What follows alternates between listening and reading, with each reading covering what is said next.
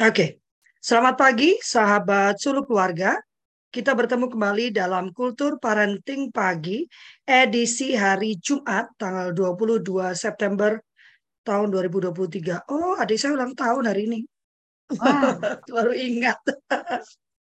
ya, dan pagi ini uh, uh, diskusi kita makin seru ya uh, terkait permen Permenak bukan Permendikbud Permenak nomor 73 uh, eh, tentang perlindung uh, pencegahan kekerasan seksual di satuan pendidikan berbasiskan agama. Kita sudah bertemu dengan teman-teman dari Kristen Katolik, dari Kristen Protestan, uh, Hindu. Uh, hari ini kita bertemu dengan sahabat dari Satuan Pendidikan Islam. Kembali saya mengingatkan, kita tidak sedang mendiskusikan agama, kita sedang mendiskusikan respon dari Satuan Pendidikan Berbasiskan Agama terhadap Peraturan Menteri Agama nomor 73 yang mengatur tentang pencegahan kekerasan seksual eh, di Satuan Pendidikan Berbasiskan Agama.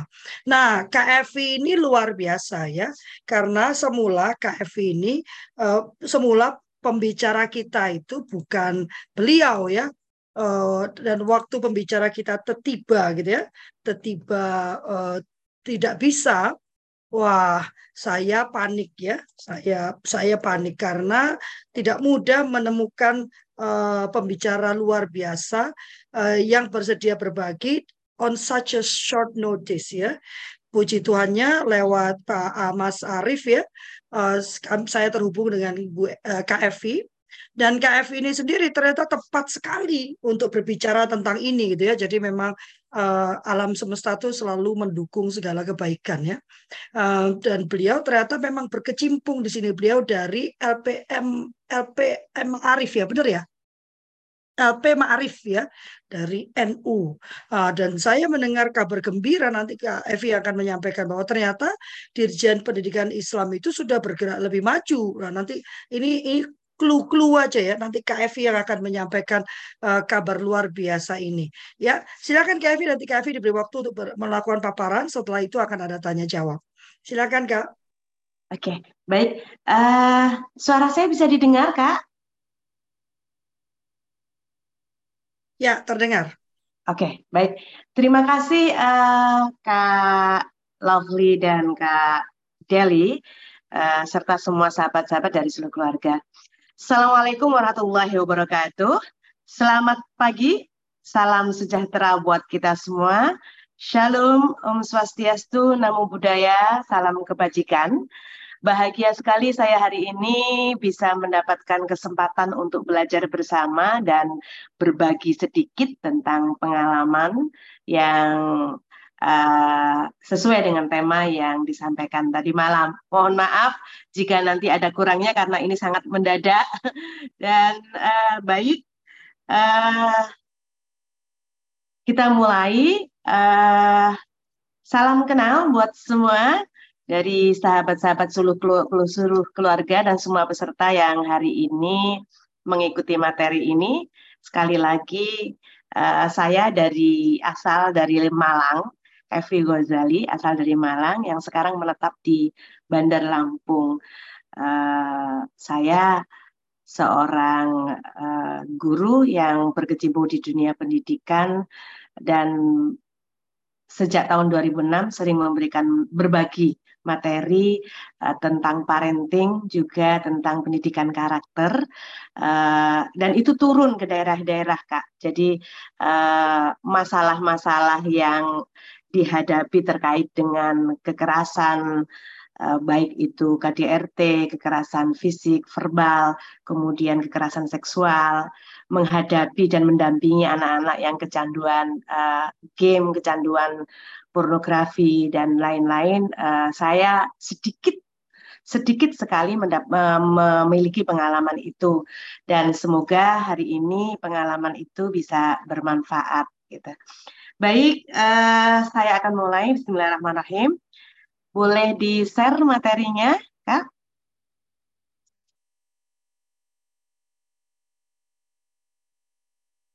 Oke. Okay.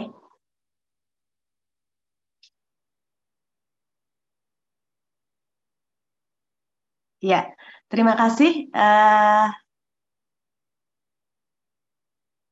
baik, saya mengambil judul Stop Kekerasan Seksual.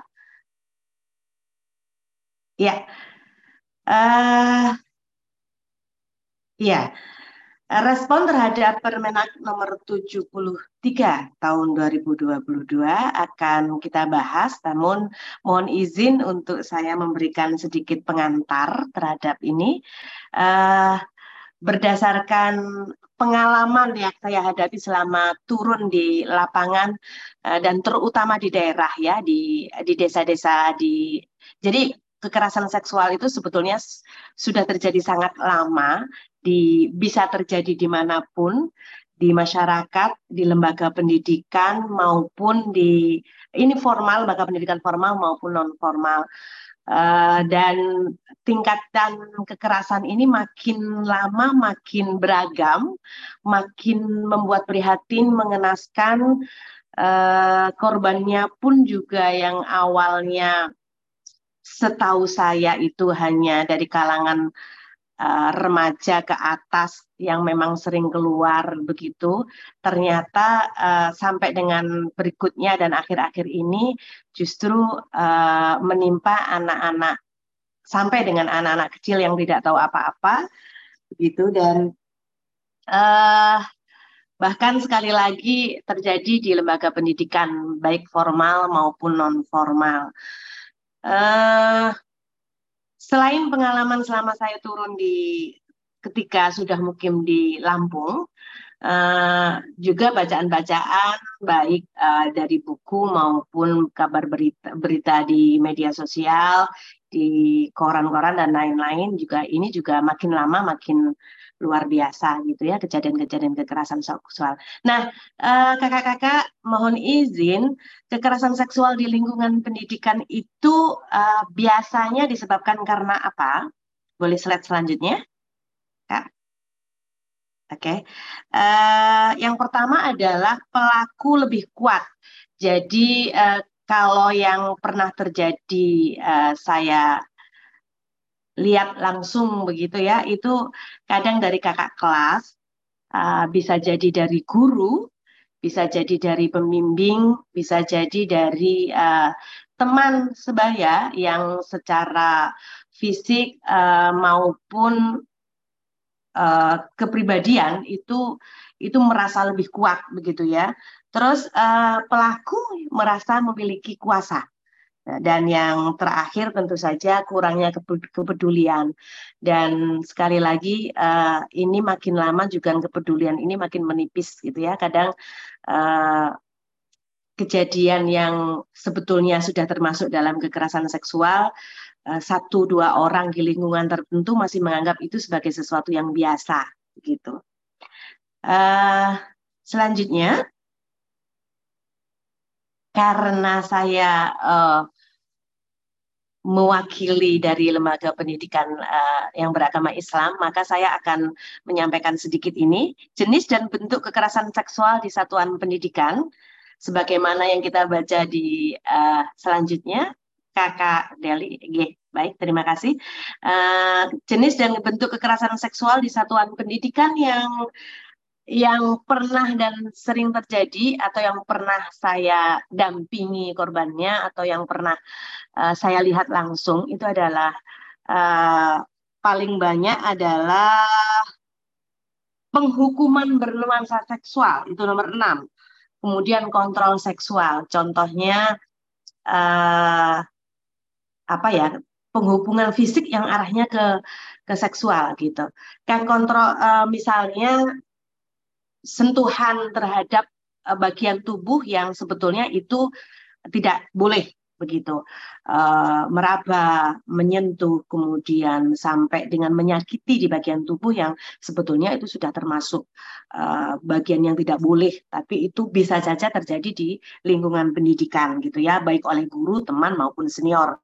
Kemudian kontrol kontrol seksual saya pernah menghadapi ini dan mohon maaf uh, kasus yang sangat lama. Jadi uh, di sebuah lembaga mohon maaf mohon maaf di sebuah lembaga ada beberapa anak yang tidak ikut kegiatan Seingat saya waktu itu kegiatan olahraga begitu ya karena dengan alasan haid men gitu. Uh, seorang guru sampai memaksa anak-anak ini untuk membuktikan bahwa dia ini betul-betul sedang men dan head itu diminta untuk membuka bajunya begitu dan lain-lain. Dan ini ini terjadi di lingkungan pendidikan sebetulnya tidak boleh. Kemudian uh, prostitusi paksa saya pernah menghadapi seorang anak yang datang dengan menangis uh, dari sebuah murid dari sebuah sekolah yang yang awalnya dia hanya menginginkan untuk memiliki HP kak. Jadi HP terbaru gitu. Kemudian eh, temennya dan kakak kelasnya mengajak untuk bertemu dengan seseorang yang bisa memberi laki-laki yang memberi bisa memberikan HP terbaru sesuai keinginan. Dia tidak tahu bahwa sebetulnya itu adalah sebuah jebakan yang berakhir sangat tragis gitu. Jadi eh, kejadian-kejadian ini nyata. Kemudian jenis yang lain apa pelecehan seksual dan ini sangat banyak mulai dari hanya sekedar uh, sweet-sweet gitu sampai dengan uh, betul-betul mendekati meraba dan lain-lain yang sekali lagi uh, terkadang uh, diabaikan oleh lingkungan tertentu karena dianggap ini sebagai sesuatu yang biasa gitu. Kemudian eksploitasi sosial, intimidasi seksual dan yang paling parah adalah pemerkosaan. Kalau yang ini saya tidak pernah tahu langsung, hanya uh, saya pernah uh, bertemu dengan korban seorang anak SD kelas 2 yang tidak tahu bahwa itu sebetulnya tidak paham bahwa itu adalah sebetulnya sebuah perkosaan gitu. Uh, sangat miris. Uh, kemudian baik kakak kejadian-kejadian ini tentu saja juga bisa kita baca di media sosial atau mungkin terjadi di sekitar kita maka uh, tentu saja kita harus mulai untuk uh, peduli dan uh, kepedulian ini bisa diawali dengan rasa prihatin yang luar biasa. Karena sebetulnya mohon maaf kalau dalam agama kami perlindungan dan pencegahan terhadap uh, kekerasan seksual ini sebetulnya sudah sangat jelas ada di ajaran kami dan barangkali uh, dan dan pasti dan pasti ini di ajaran semua agama ada. Uh, mohon selanjutnya, oke. Okay. Uh, untuk konsep uh, perlindungan uh, yang paling dasar saja bahwa seorang muslim adalah orang yang bisa menyelamatkan sesama dari gangguan uh, tangan dan lisannya. Jadi sebetulnya uh, kalau fenomena terakhir di sosmed banyak orang yang menghujat, uh, bicara tidak baik, itu saja sebetulnya sudah tidak boleh. Apalagi kemudian mengganggu dalam bentuk yang lebih besar gangguannya itu, gitu ya.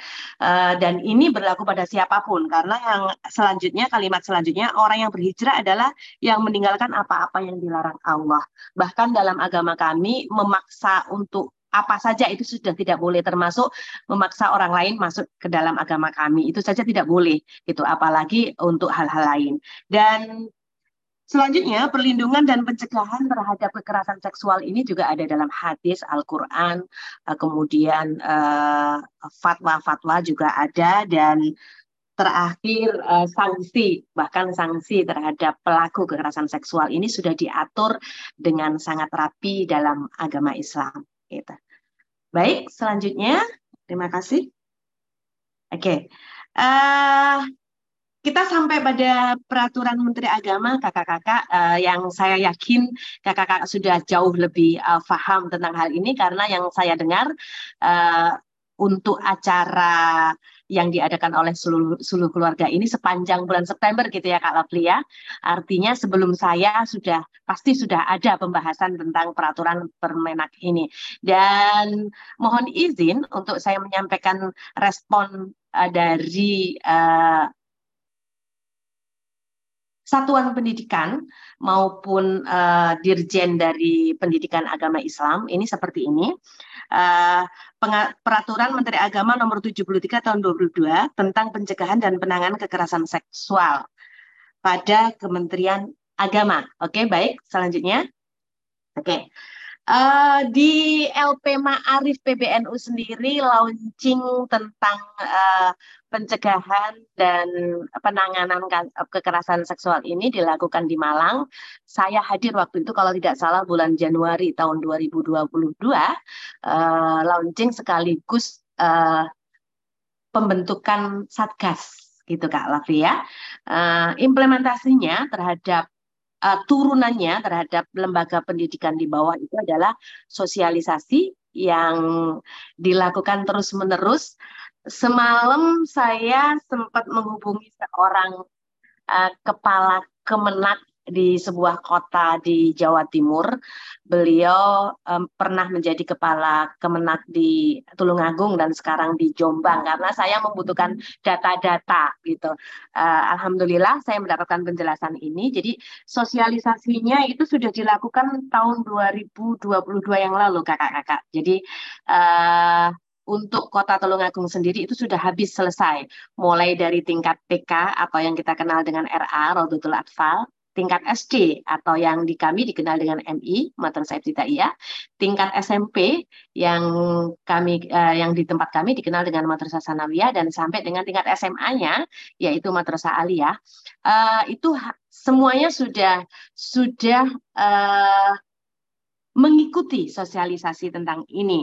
Bahkan semuanya juga sudah terbimtek. Jadi bimbingan teknis tentang pencegahan dan penanganan kekerasan seksual di satuan pendidikan di bawah Kemenak dalam hal ini adalah madrasah uh, itu sudah dilakukan pada tahun 2022 lalu.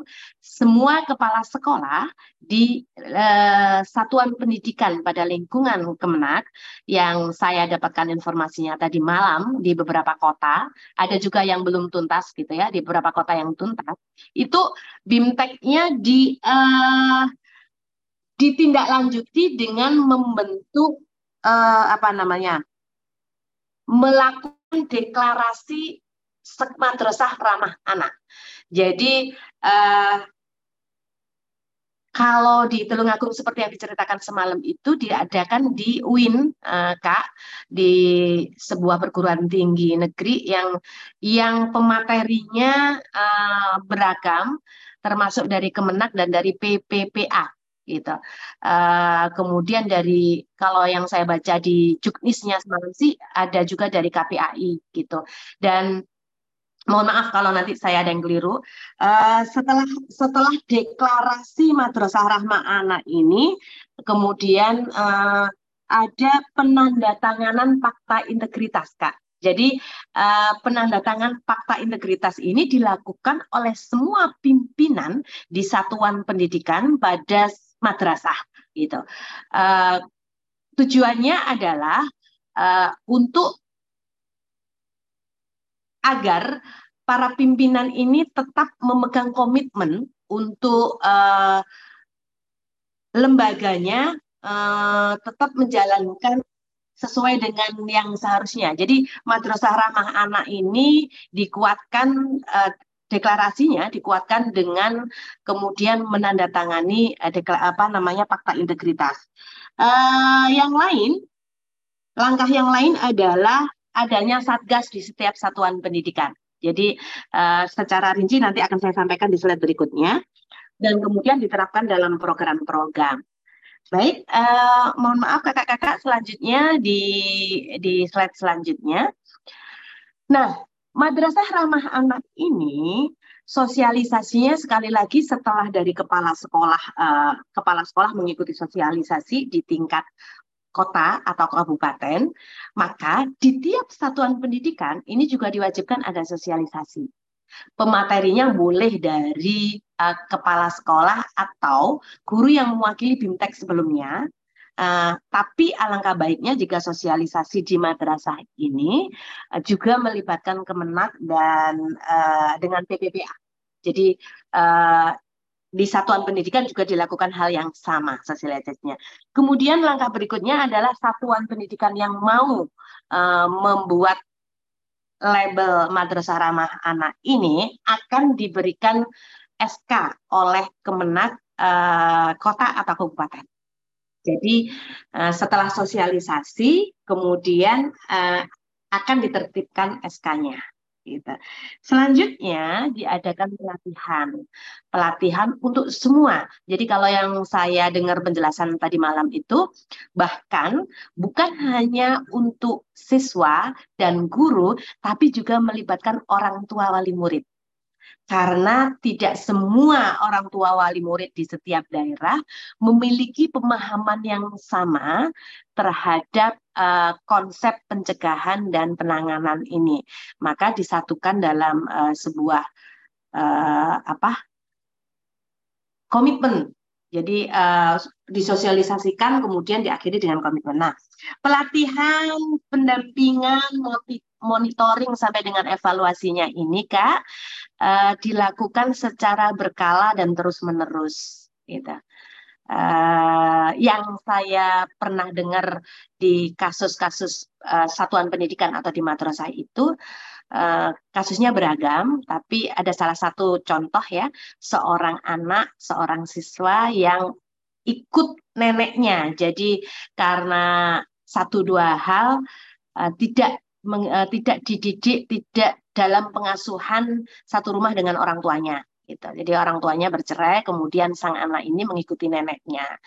Uh, kita bisa memaklumi ya bahwa seorang nenek memang tidak didesain Tuhan untuk memiliki uh, kepekaan maupun ini yang yang seutuh orang tuanya sehingga ada beberapa hal yang kemudian uh, lalai meskipun ini hanya kasus ya kadang ada juga yang uh, seorang anak yang dalam pengasuhan neneknya juga bagus gitu. Tapi kasus yang di, saya hadap yang tadi yang saya dengar ini adalah begitu. Kemudian uh, anak ini dilecehkan oleh tetangganya. Gitu. Nah, sekolah yang bersangkutan ini uh, harus punya kepedulian sampai dengan penanganan dan tuntas begitu. Makanya dalam sekolah madrasah yang ramah anak ini harus juga ada tim khusus yang menerima pengaduan, gitu, yang menerima pengaduan. Uh, selain itu harus ada papan nama, papan nama uh, sekolah madrasah ramah anak, gitu. Mengapa? Karena ini akan memudahkan untuk monitoring dan uh, pendampingan karena belum semua madrasah di yang saya dengar belum semua madrasah ini uh, berani untuk memasang pelang nama ini. Maka yang mau ini kesungguh-sungguhannya dibuktikan dengan tadi uh, mengikuti sosialisasi, kemudian uh, menerima SK, kemudian me melakukan pelatihan, pendampingan dan lain-lain, memasang pasan nama, uh, papan nama, kemudian selanjutnya uh, memetakan siswa kelompok rentan dan uh, potensi. Jadi ini pencegahannya dulu. Jadi pencegahannya sudah dilakukan dengan memetakan. Ini dilakukan oleh siapa? Dilakukan oleh tim. Tim ini terus akan bekerja sama dengan uh, Kemenak dan PPPA. Kemudian dilakukan program pencegahan. Program pencegahannya nanti di, di bawah ada. Kemudian ada unit pengaduan seperti yang saya sampaikan dan yang terakhir membentuk fasilitator. Fasilitator ini uh, sebisa mungkin setiap madrasah mempunyai tim fasilitator yang dan tim yang bertugas bagi tugas lain. Semua yang diharapkan tidak hanya menjadi uh, pemadam kebakaran dalam tanda kutip. Artinya bukan hanya menyelesaikan kasus tapi juga pencegahan. Bukan hanya melakukan pencegahan, tindakan program-program pencegahan, tapi juga uh, menyelesaikan kasus yang ada secara tuntas. Begitu. Baik, eh, kakak-kakak, selanjutnya di slide selanjutnya saya memberikan eh, contohnya.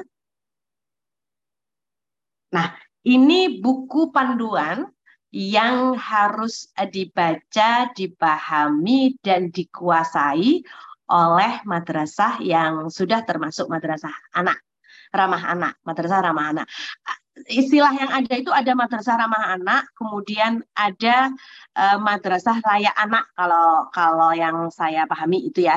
Tapi uh, yang resmi dari dari Kemenak uh, dari dirjen kami itu adalah ini. Jadi panduan sekolah madrasah ramah anak. Di sini uh, ada panduannya secara detail kakak-kakak bahkan sampai dengan uh, informasi pendanaan Kak Lovely ini juga ada di sana sudah diatur di di implementasinya seperti apa. Jadi boleh pada saat sosialisasi, pelatihan, pendampingan itu diperbolehkan untuk menggunakan dana apa apa apa. Itu juknisnya sangat sangat jelas di sana. Oke, selanjutnya Nah, untuk programnya selain yang ada di dalam panduan buku, ini juga boleh uh, setiap satuan pendidikan melakukan improvisasi sepanjang memang tujuannya tetap sama yaitu untuk pencegahan dan penanganan uh, kasus kekerasan seksual gitu. Sekali lagi sosialisasi, kemudian penyuluhan yang terus-menerus dan itu bisa dilakukan uh, pada semua, harus dilakukan pada semua guru-guru, kemudian para murid gitu karena uh, banyak kasus yang terjadi. Kekerasan seksual ini uh, dilakukan juga oleh teman sekelas gitu. Laki-laki kepada perempuan gitu. Ada kasus juga perempuan terhadap laki-laki gitu. Kemudian uh, dari kakak tingkat gitu. Jadi uh, tidak semua dilakukan oleh orang yang lebih dewasa. Misalnya guru karyawan OB barangkali gitu ya, uh, office boy, kemudian uh, cleaning service. Ini saya uh, pernah juga terjadi dilakukan oleh OB di sebuah uh, satuan pendidikan dan saya uh, sempat bertemu dengan korbannya gitu. Kemudian bisa dilakukan programnya dengan diskusi berkala. Diskusi berkala ini materinya tentu saja tentang pencegahan dan ini anak-anak uh, bisa melakukannya uh, hanya didampingi uh, guru hanya mendampingi karena mereka juga harus punya uh, inisiasi, punya ide-ide yang akhirnya lebih pas karena mereka seusia begitu. Oke, okay? kemudian lomba-lomba, lomba-lomba yang terkait dengan uh, upaya pemahaman terhadap pencegahan dan uh, penanganan kasus kekerasan seksual. Kemudian penampilan seni dan kreativitas ini sudah dilakukan di uh, beberapa satuan pendidikan Kak Lovely. Jadi uh, di akhir semester anak-anak yang anak-anak yang memang sudah latihan ini tampil di depan uh, semua undangan dan itu bisa berupa drama atau uh, apa saja uh, yang temanya tentang pencegahan dan kekerasan uh, seksual. Oke. Okay. Baik, terima kasih Kak. Uh, itu yang bisa saya sampaikan.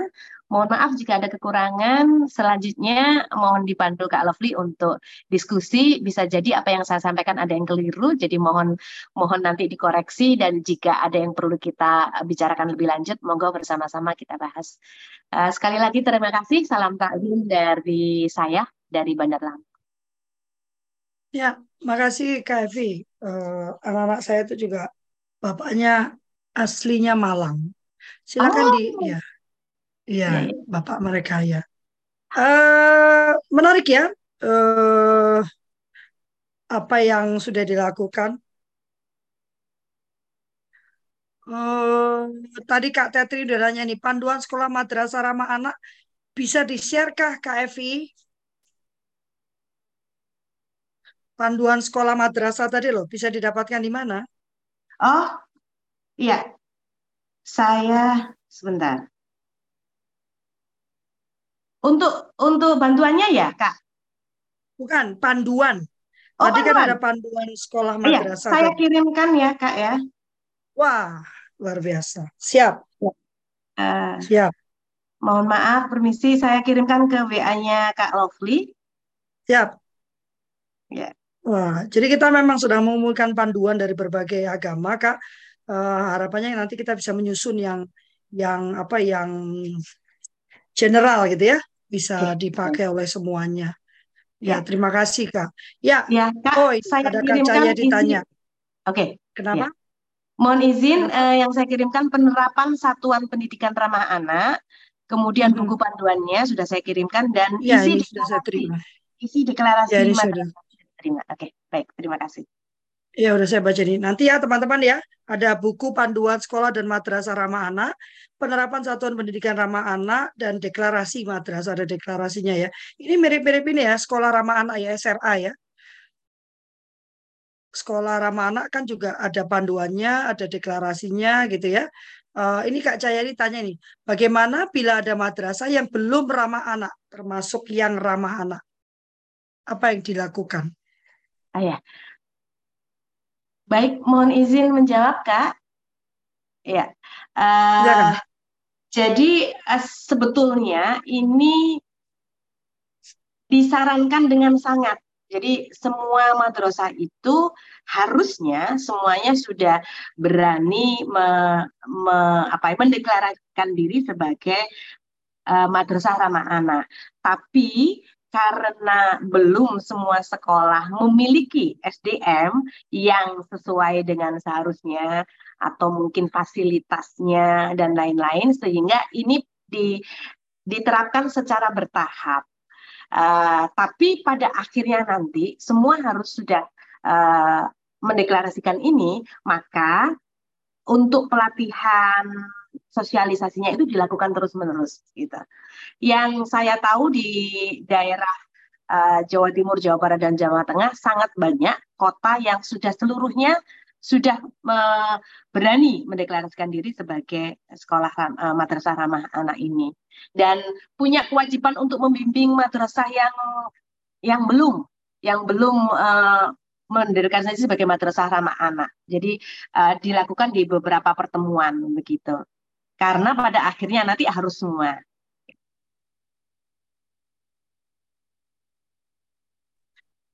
Demikian. RAO, RA itu Raudlatul Atfa. Sorry ya Kak Jayadi ya. Saya kurang kurang uh, apa familiar dengan istilah-istilah di di Kementerian is, apa Kementerian Agama Islam ya. Mohon maaf.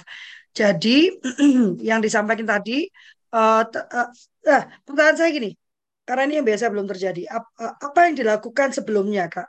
Mengapa mereka ingin uh, masuk dalam program uh, madrasah ramah anak ini? Apa in, insentif yang ditawarkan atau saya nggak suka ngomong ini ya uh, apa uh, hukuman ya, tapi apa insentif yang ditawarkan kepada lembaga ya?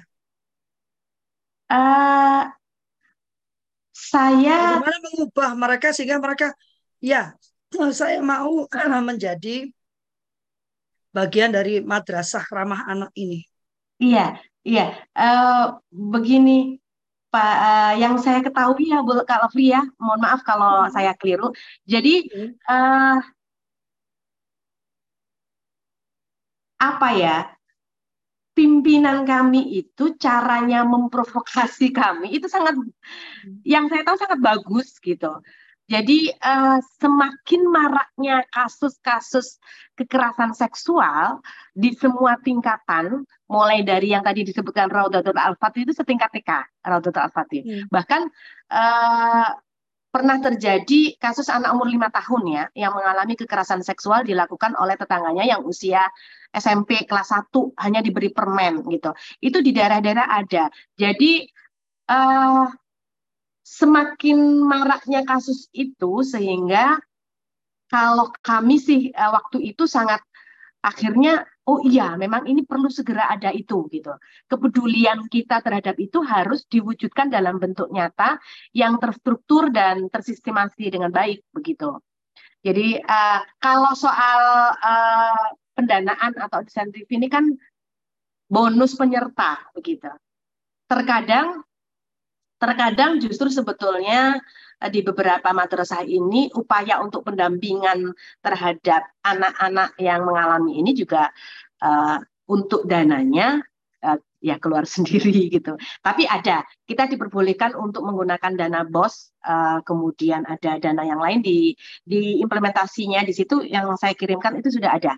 Jadi diperbolehkan menggunakan dana apa-apa gitu sudah ada. Gitu. Uh, mohon maaf, mungkin itu ya jadi kepedulian terhadap kejadian yang yang selalu ada tiap tahun gitu dan kalau dunia era sekarang itu kan era era sosmed ya kak ya sehingga kalau itu hmm. muncul satu saja sudah boom gitu Uh, maka dampaknya ya terhadap nama baik bukan hanya nama baik sekolah, lembaga, tapi juga pada semuanya gitu. Sehingga upaya pencegahan ini akhirnya akhirnya dilakukan dengan sangat semangat gitu. Yang saya ketahui di tahun 2022 ini hampir semua madrasah ini semangat gitu. Di samping Kak, di samping juga memang diwajibkan. Jadi memang diwajibkan oleh oleh uh, atasan-atasan kami ya, pimpinan-pimpinan kami gitu. Jadi akhirnya uh, serempak semangat begitu.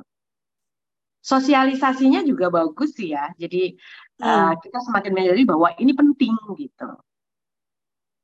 Apa sosialisasinya tadi udah bagus. Bagaimana bentuk sosialisasinya Kak Evi? Menarik. Uh, ya, jadi uh, terima kasih pertanyaannya Kak Lovely. Jadi dari Kemenak uh, itu punya tim yang mensosialisasikan tentang uh, program uh, pencegahan dan penanganan kekerasan seksual ini lewat uh, Madrasah Ramah Anak ini dan kerjasama dengan PPPA PPPA di setiap wilayah provinsi, hmm. kabupaten, hmm. kota, begitu.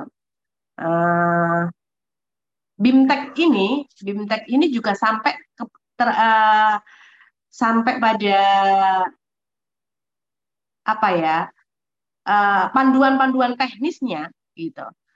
Kalau misalnya ini terjadi di sekolah seperti apa, kalau misalnya kemudian terjadi di luar sekolah pada murid itu seperti apa gitu.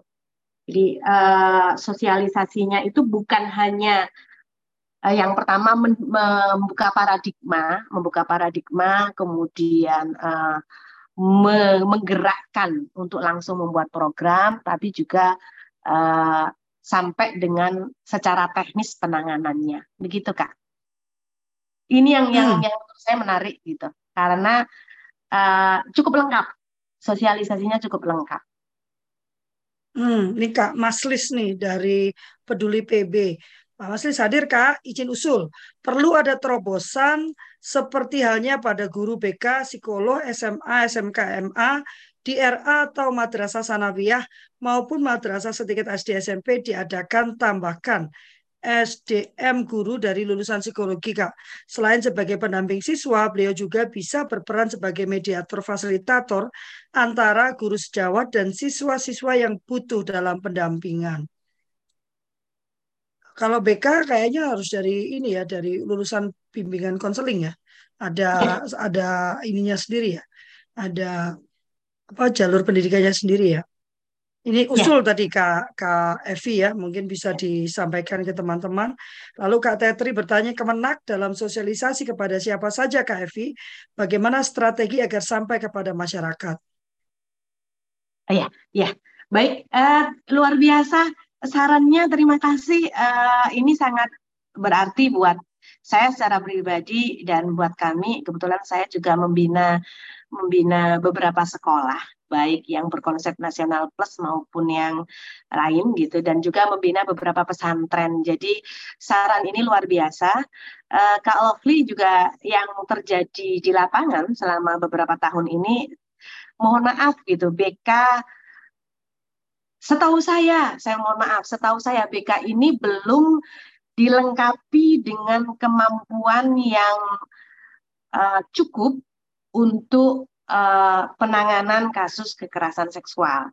Jadi saya juga pernah menyampaikan kepada Eh, kacur kaprodi BK di sebuah perguruan tinggi karena kami sebagai user di sekolah-sekolah ini melihat BK ini masih teoritis gitu Kak. Jadi untuk penanganan eh, kasus-kasus uh, yang uh, real itu memang dibutuhkan adanya uh, psikolog juga. Jadi uh, usul tadi uh, terima kasih sangat pas, bukan hanya BK tapi juga psikolog. Masalahnya adalah tidak semua madrasah ini bisa menghadirkan psikolog gitu. Kalau BK semua madrasah ada.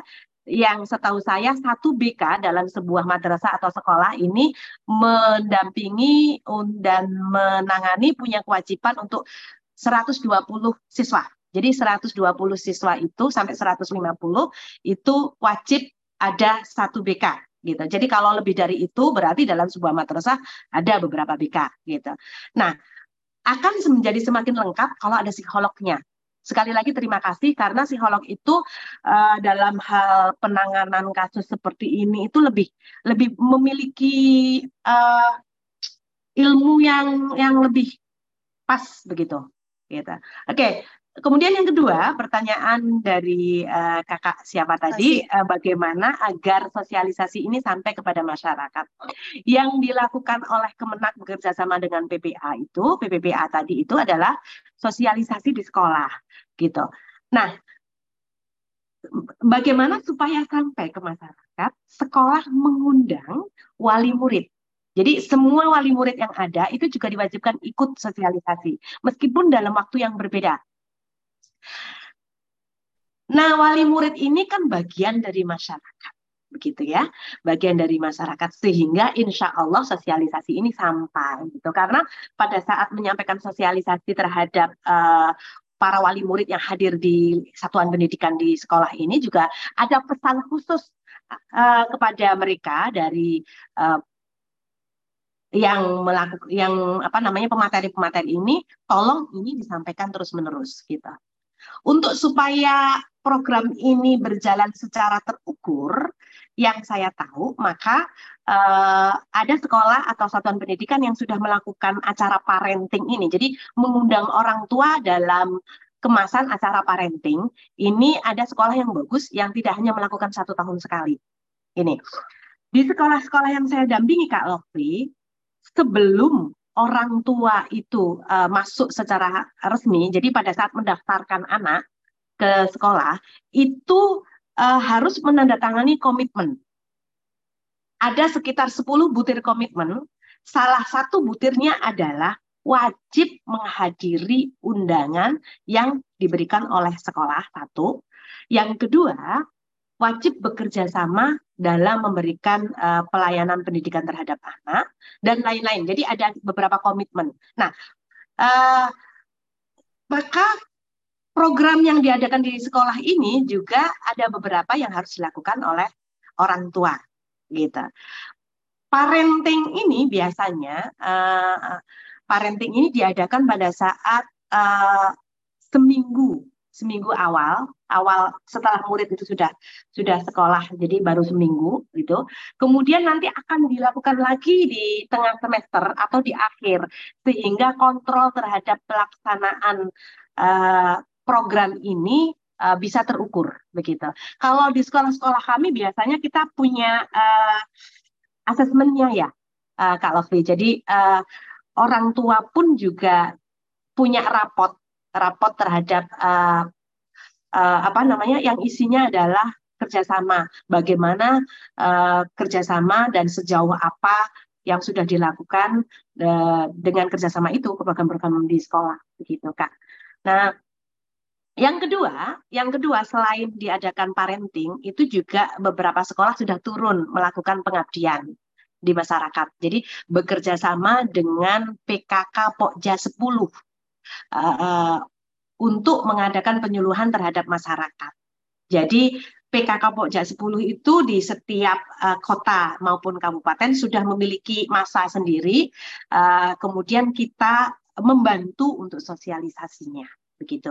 Memang belum semua semua madrasah melakukan itu, tapi sudah ada, sudah ada. Sehingga pertanyaan tadi bagaimana sampai itu itulah yang kami lakukan. Gitu, Kak. Hmm. Oke. Okay. Uh, ini masih ada banyak. Oh, ini dia. BK apa mungkin seperti kasus bullying ya Bu atau kenakalan remaja. Kalau psikolog tentang mental health karena lebih mendalam. Jadi peran guru BK di madrasah sebatas apa selama ini Bu Evi? Ini mirip kan pertanyaannya. Silakan Bu Evi. saya terima kasih Kak Lovely pertanyaannya, tapi kalau saya mau menjawab itu takut takut salah ya. Yang saya ketahui di sekolah saya saja, mohon maaf sekali lagi ini perlu disabilo yang saya ketahui di sekolah saya saja. Jadi eh, BK terutama yang baru lulus itu terkadang bagus di teori gitu. Bagus di teori dan teorinya itu adalah sebatas yang mereka pelajari di buku-buku uh, perkuliahan begitu. Atau mungkin mereka kan biasanya ada tiga bulan masa PPL yaitu pengalamannya gitu.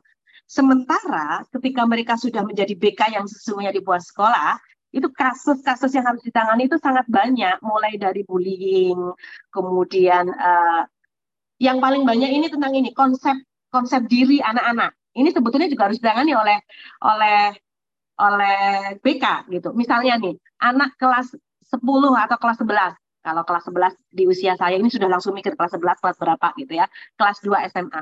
Itu ada loh yang ditanya cita-citanya apa itu nggak tahu gitu. Nah, ini sebetulnya juga bagian dari uh, tugas BK untuk uh, materi konsep diri, stop bullying itu juga, kemudian bijak bersosmed, kemudian uh, pencegahan kekerasan seksual, mulai dari uh, dan juga kekerasan yang lain, kekerasan verbal dan lain-lain begitu.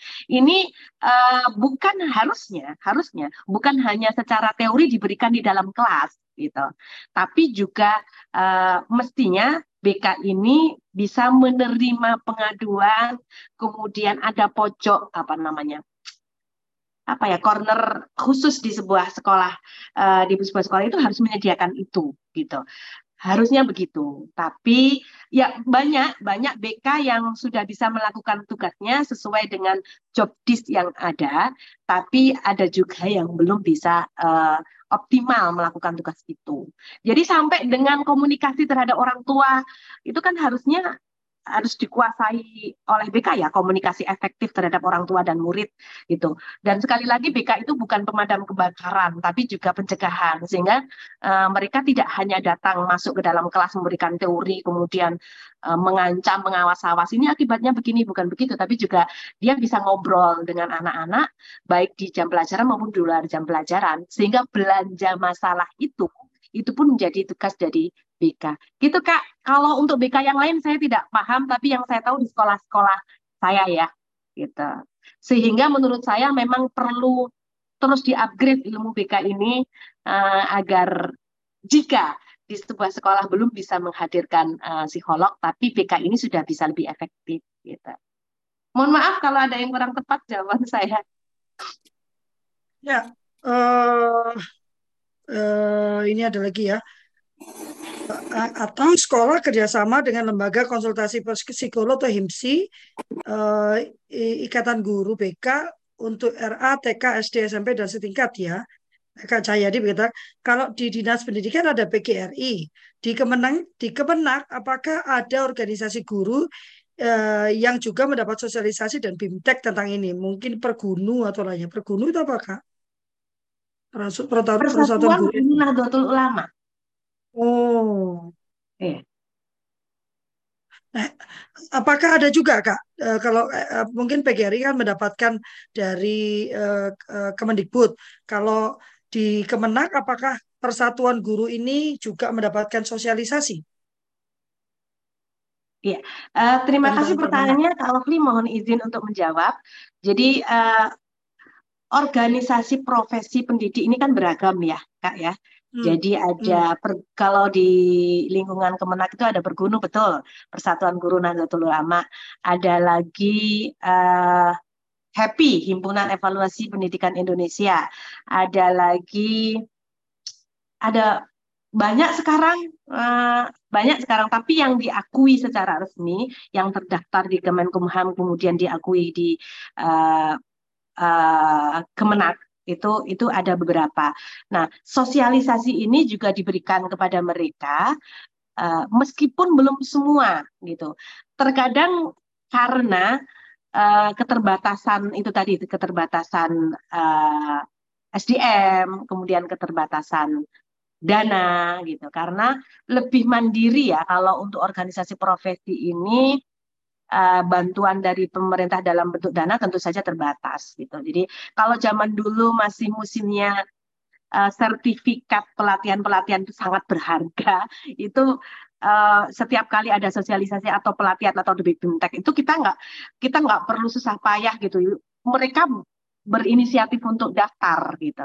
Tapi untuk sekarang uh, sepertinya yang saya tahu uh, belum semas tidak semasif yang dulu, tapi ada tapi ada gitu sosialisasi sampai ke mereka hmm ini ada Kak Martinus ya oh uh, kata Kak Tentrim, MHPSS perlu diberikan kepada guru-guru juga tamanya ya Kak Lovely, Kak Evi. Apa MHPSS itu? Kak Martinus ini banyak sekali apa kode-kode yang saya nggak ngerti. Izin Kak Martinus. Mental health and mental health and oh, mental health. Maaf, ya, maaf, ya. Uh, ya. Layanan ya, kita balik ke Kak ini ya, balik ke apa Kak Philip ya. Uh, beliau kan selalu bicara tentang literasi emosi. Jangan-jangan gurunya pun tidak diperhatikan loh kesehatan emosi dan kesehatan mentalnya. Ya. Iya, betul sekali. Kak Martinus berkata, selamat pagi Bu Evi, saya mau tanya, berhubungan Bisa dengan masalah prostitusi. Kenapa Kak? Masalah prostitusi paksa seksual bagi remaja yang mengalaminya di sekolah, itu seperti apa ya Bu? Mohon penjelasannya. Oh masalah Halo? prostitusi paksa seksual. Kalau oh, di iya. sekolah itu bentuknya kayak apa sih gitu dia tanya. Ah iya. Uh, terima kasih. Terima kasih pertanyaannya. Kalau Pri saya Hanya makin ngeri ya Kak ya. iya. Uh, kalau kita tahu ini sangat sensitif sih ya kalau saya menjawab gitu karena saya nggak berani Eh, karena ada banyak yang harus dilindungi, baik itu murid, guru maupun lembaga. Itu. Tapi tadi saya sudah menyampaikan contoh sekian tahun yang lalu, saya pernah menghadapi seorang murid yang nangis-nangis cerita bahwa awalnya dia hanya ingin memiliki HP terbaru, gitu, memiliki HP terbaru. Tapi kemudian uh, kelasnya kalau tidak salah mengatakan bahwa aku bisa ngasih kamu solusi, kamu bisa dapat HP ini dengan cepat dan mudah gitu. Terus dikenalkan pada uh, seorang laki-laki. Kejadiannya sih di luar sekolah gitu dan dan uh, ya akhirnya itu menjadi mau tidak mau gitu. Ini kan termasuk dalam pemaksaan gitu. Hmm. Kalau yang lain saya nggak berani, gak, saya nggak berani mengatakan yang saya sampaikan hanya contoh yang pernah saya temui saja itu. Gitu. Ya banyak ya contoh prostitusi paksa seksual bagi remaja ya. Uh, kalau di kampus itu saya aja yang ngomong saya yang berani ya. Kalau di kampus tuh misalnya dosen-dosen yang meminta untuk supaya dapat apa Nilai. nilainya A gitu kan, maka ya icip-icip sedikit lah gitu ya. Ya kan? Kan namanya juga ini dikit-dikit nggak apa-apa lah ya. Nggak termasuk perkosaan ini gitu ya. Dibujuk dengan cara seperti itu. Di sekolah pun sudah mulai muncul itu permasalahan-permasalahan demikian ya. Uh, di mana guru ya tadi kan sudah disebutkan permasalahannya adalah perbedaan kuasa ya. Uh, relasi kuasa antara korban dan pelaku. Nah, dari relasi kuasa itulah kemudian anak-anak uh, perempuan dan laki-laki, jangan salah ya. Jadi ini kita tidak bicara spesifik terhadap anak perempuan. Nanti kita lalai abai terhadap anak laki-laki, aduh ya. Uh, ada juga ya Uh, jadi ini apa anak-anak uh, itu kemudian diminta untuk ya sedikit saya gurumu loh kamu kalau enggak uh, kalau enggak gak apa ndak ndak menurut saya nanti nilaimu ya kan ndak saya keluarkan. Atau kamu saya kasih uh, pekerjaan yang berat ya. Uh, saya rasa beberapa kemarin juga baru tertangkap ya seorang guru yang yang me menganiaya seksual yang terindikasi ya karena belum belum sampai jatuh jatuh verdict kan ya. Terindikasi melakukan pelecehan seksual terhadap delapan murid perempuannya kalau nggak salah dan itu SD kalau nggak salah ya eh, yang kemarin baru saja rame. Emma boleh tapi boleh sebentar saja ya Kak Emma karena sudah jam 8 lebih 5 oh, baik. Terima kasih. Makasih kesempatannya Kak Lovely lagi enak lagi flu nih. Assalamualaikum warahmatullahi wabarakatuh. Makasih tadi pencerahannya kalau di kami, kebetulan kami ya sebagai agama Islam, dan kami orang tua kami menerapkan muhrim dan tidak. Nanti mungkin penjabaran bisa saya tulis kali. Karena kalau di kita ya, laki-laki dan perempuan, mohon maaf, itu tengahnya titik-titik ya, tanda kutip. Makanya sering terjadi hal-hal yang tidak diinginkan itu, yaitu ya maksudnya mohon maaf tengahnya setan jadi pas makanya terjadi hal-hal yang pelecehan seksual dan lain-lain itu kan pasti ada kesempatan ada sebab dan akibat Terus kayak tadi misalkan kami dididik orang tua kami laki-laki dan perempuan harus hati-hati. Nanti kalau terjadi apa-apa dosanya sama, tapi yang merugi wanita. Kami selalu tuh kami. Nah, sekarang laki-laki sama laki-laki juga harus hati-hati, Bu. Iya, iya Bu. Cuma kan sama perempuan juga harus hati-hati. Betul, betul, betul. Repot ini. Terus kami pun juga, saya punya sekolah 13 tahun dari ada kendala-kendala, my office boy, office girl dan semua. Tapi kami menerapkannya itu betul-betul karena mungkin pendidikan dari orang tua kami ya selalu sampaikan yang benar walaupun pahit itu di mana saja. Pernah ada office boy, office girl yang mencurigakan? Ya kami dekatin kami ini sampai akhirnya kalau memang tidak bisa kami keluarkan. Karena nanti berbahaya. Di sekolah kami pegawai kami umpama merokok sampai bicara yang guru atau apa bicara yang kami panggil. Tapi kami panggilnya dengan kekeluargaan dengan subhanallah dengan baik. Ya alhamdulillah semuanya berjalan dengan baik dan di keluarga kita bukan ya kami masih masih banyak salah dan dosa tapi kami peduli kalau masalah perusahaan atau apa ini kami mau bantu siapa pun ya. Makanya sekarang kalau lihat di jalan atau kira-kira ada anak orang dulu anak kami waktu masih sekolah ada di sekolah besar cuma kita nggak sebutkan namanya ya anak-anak yang diganggu sama supirnya itu tuh kami deketin kami ajak terus kami bilang ke orang tuanya. Jadi kalau dulu tuh orang tua dulu itu menganggap kayak itu tuh anak kita juga. Jadi kita ini mesti harus peduli ya itu aja yang baik dari orang yang baik dari saya mohon maaf nanti kapan-kapan kalau bisa saya tulis aja. Terima kasih pencerahannya assalamualaikum. Waalaikumsalam. Kak Emma. Menarik ya memang uh, apa uh, ada beberapa poin yang saya amini ya saya setujui ya saya amini memang Tuhan memang ya salah ya yang pertama memang sekolah itu bukan sapu jagat ya. Jadi guru juga bukan dewa uh, penyelesai semua masalah ya. Sekolah itu bukan sapu jagat. Jadi tidak pada tempatnya kita terus menerapkan. Karena kemarin kita juga diskusi kita punya grup WhatsApp grup yang cukup aktif ya KFI. Uh, lalu ada berarti sekolah harus membuat peraturan. Sekolah lama-lama anak nggak mau sekolah bu. Peraturannya banyak banget nggak bisa gerak gitu ya. Itulah sebabnya rumah itu tetap. Dia adalah madrasah pertama dan utama. Nggak cuma pertama loh. Pertama berarti lahir cengar habis itu kasih sekolah berarti sudah selesai Bu. Kan sudah pertama. Madrasah utama dan eh sorry, pertama dan utama bagi anak-anaknya ya. Saya setuju Kak Emma. Jadi rumah itu punya peran yang sangat penting ya kan nanti diskusinya berarti perannya apa bagaimana menyampaikan ke anak-anak itu uh, itu diskusi selanjutnya ya uh, dan ini Kak Maslis jadi begini dalam konteks ini Kak Maslis saya bacakan ya Kak tahun 2007 beliau pernah mengalami uh, verbal non kontak uh, abuse ya dari siswinya kepada guru nah, jarang loh mungkin ini Kak jadi dalam konteks uh, perlindungan terhadap anak yang namanya anak itu tidak pernah menjadi pelaku. Dalam konteks perlindungan hak anak. Anak mukul guru. Dalam konteks perlindungan hak anak, anak tetap menjadi korban. Ya, wah berarti saya ini dong uh, tidak terlindungi onda oh, ya. Perlindungan hak itu melindungi hak semua orang. Nggak ada perlindungan hak itu yang satu di itu namanya bukan perlindungan hak. Tapi perspektifnya mesti jelas ya kak ya Kenapa dia kenapa saya sebut dia korban padahal kakak yang mendapatkan pelecehan?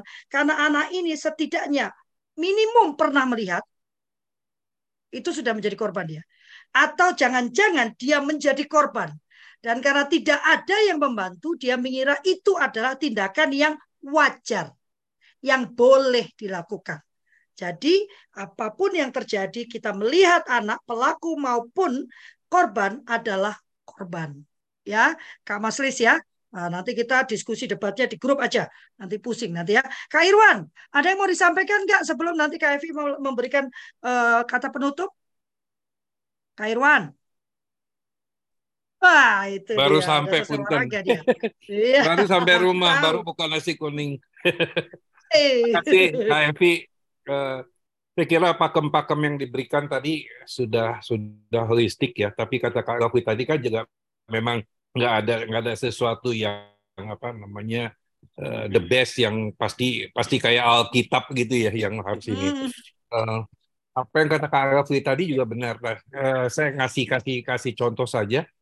Saya pernah nanganin kasus ya dari ponakannya teman saya sendiri yang dia uh, dari SMP selesai SMP itu malah jadi pendiam dan seterusnya uh, dikonsultasikan ternyata waktu SD dia pernah kena pelecehan seksual dari um, bapak kirinya apa yang hmm. terjadi yang terjadi uh, dia cutting gitu ya pakai cutter itu disayat-sayat gitu ya nah saya itu saya saya saya tanyakan kamu tahu dari mana itu gitu nah akhirnya dapat banyak kok om gitu jadi di tempat itu tuh banyak Yes. Ini pertanyaan, kenapa ini pengawasannya bagaimana? Padahal itu pesantren yang terkenal ya, artinya yang yang sudah ini.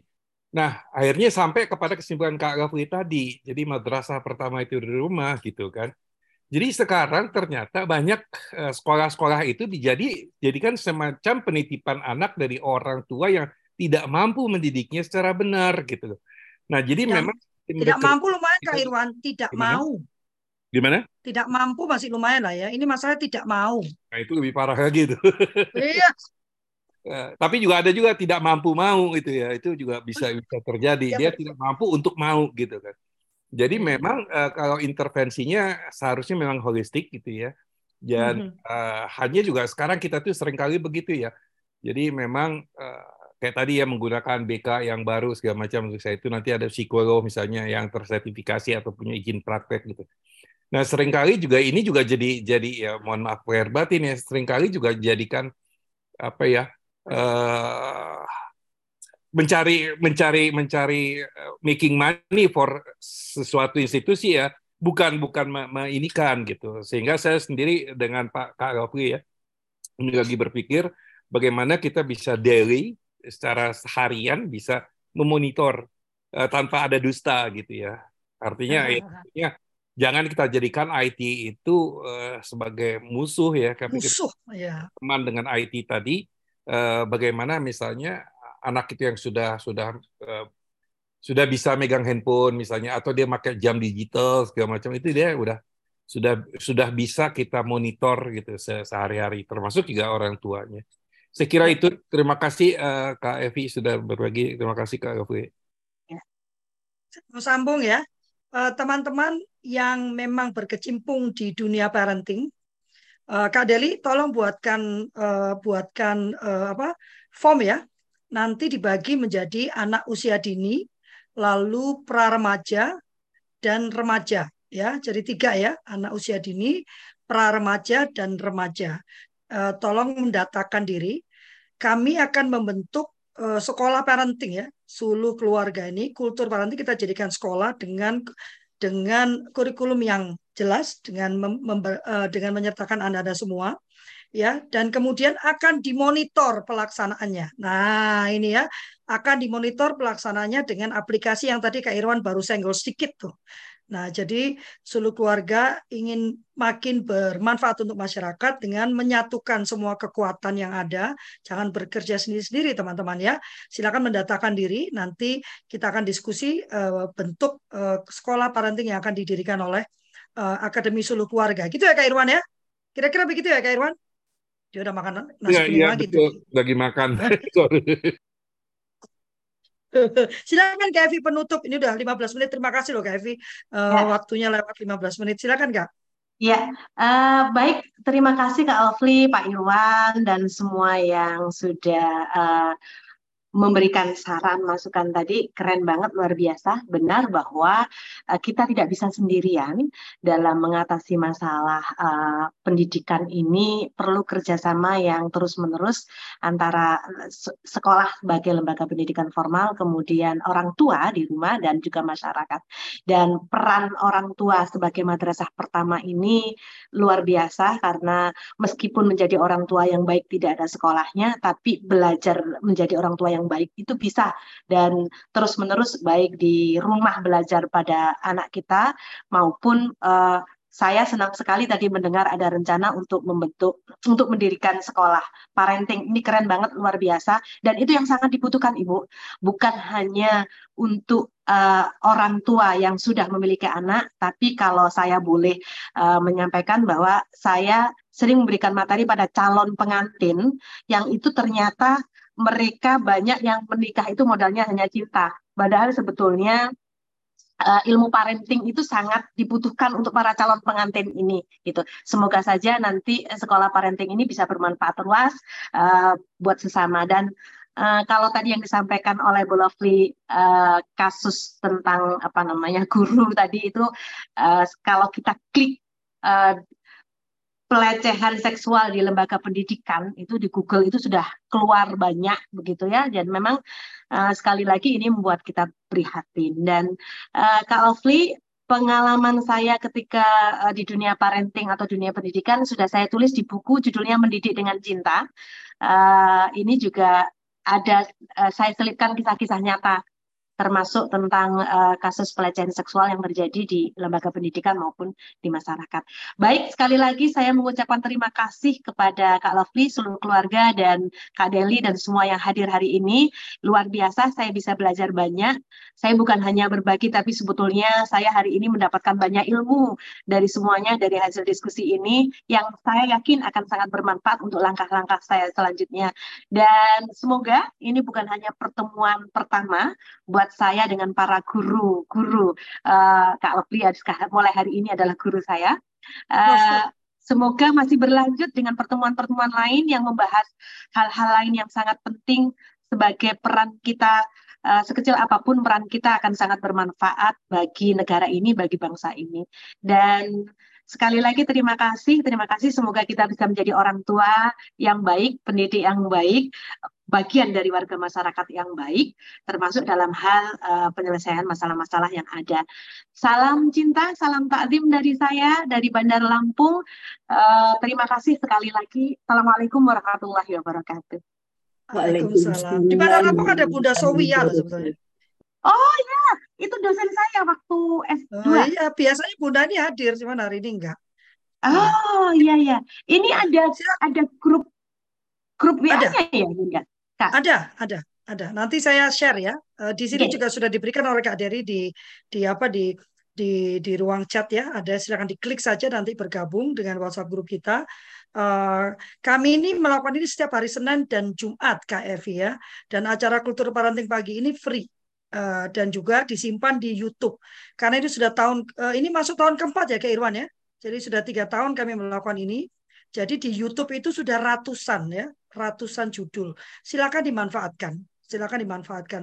Eh, kami tidak menarik biaya untuk pemanfaatan itu eh, eh, dan juga silakan dibagikan karena tidak berafiliasi dengan dengan agama mana pun. Jadi saya rasa ini bisa dipakai oleh siapa pun gitu ya dan silakan bergabung hari Senin.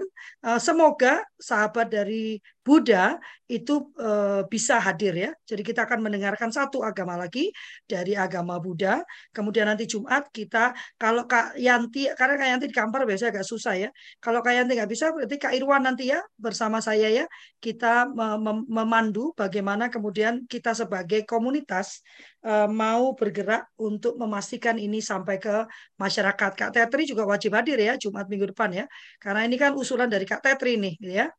Eh, dan teman-teman juga uh, silakan juga mendatangkan diri. Saya rindu sekali satu masing-masing dari kita menuliskan uh, pengalaman kita terkait parenting. Kalau yang pembicara parenting boleh menyampaikan, menuliskan konsepnya, tadi tetap uh, PAUD, pra remaja, remaja, Nanti Kak Deli akan buatkan formnya. Tolong dibuatkan ya Kak Deli. Lalu untuk orang tua. Nah, ini juga penting perspektif orang tua. Orang tua yang anaknya PAUD, orang tua yang anaknya pra remaja, orang tua yang anaknya remaja. Mari kita menulis bersama dan itu akan menjadi sumbangsi kita untuk bangsa ini ya dari pengalaman kita. Terima kasih banyak. Ayo dikasih cintanya. Kak Deli akan mengambil foto. Tadi ada 27 orang, puji Tuhan ya. Ada banyak yang tadi sangat peduli. Uh, dan uh, saya mengucapkan terima kasih atas kehadirannya. Terima kasih Kak Evi sudah bersedia berbagi luar biasa ya. Dan atas nama kami berlima kami memohon maaf yang sebesar-besarnya apabila ada pernyataan, sikap, perkataan atau gestur yang kurang berkenan.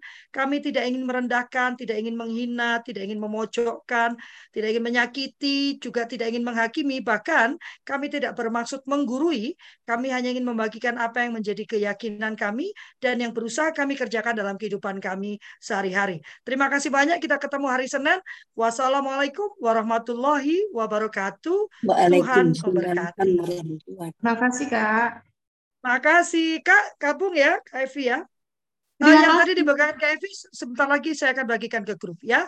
Jangan khawatir, jangan rugi, jangan bimbang, jangan ragu ya. ya, saya pamit ya. Ya, Kak Iwan, segera ya kita ketemu ya. Terima kasih semua. Terima kasih Kak Iwan, Kak Veronica, Kak Martin. Terima kasih Kak Evi. Kak Nika, Kak Alini, Kak Tentri, Kak Terima kasih semua. Sampai jumpa. Makasih Matur Suksma, Kak Kade. Oh, dia udah pergi Kak Irwan gimana sih?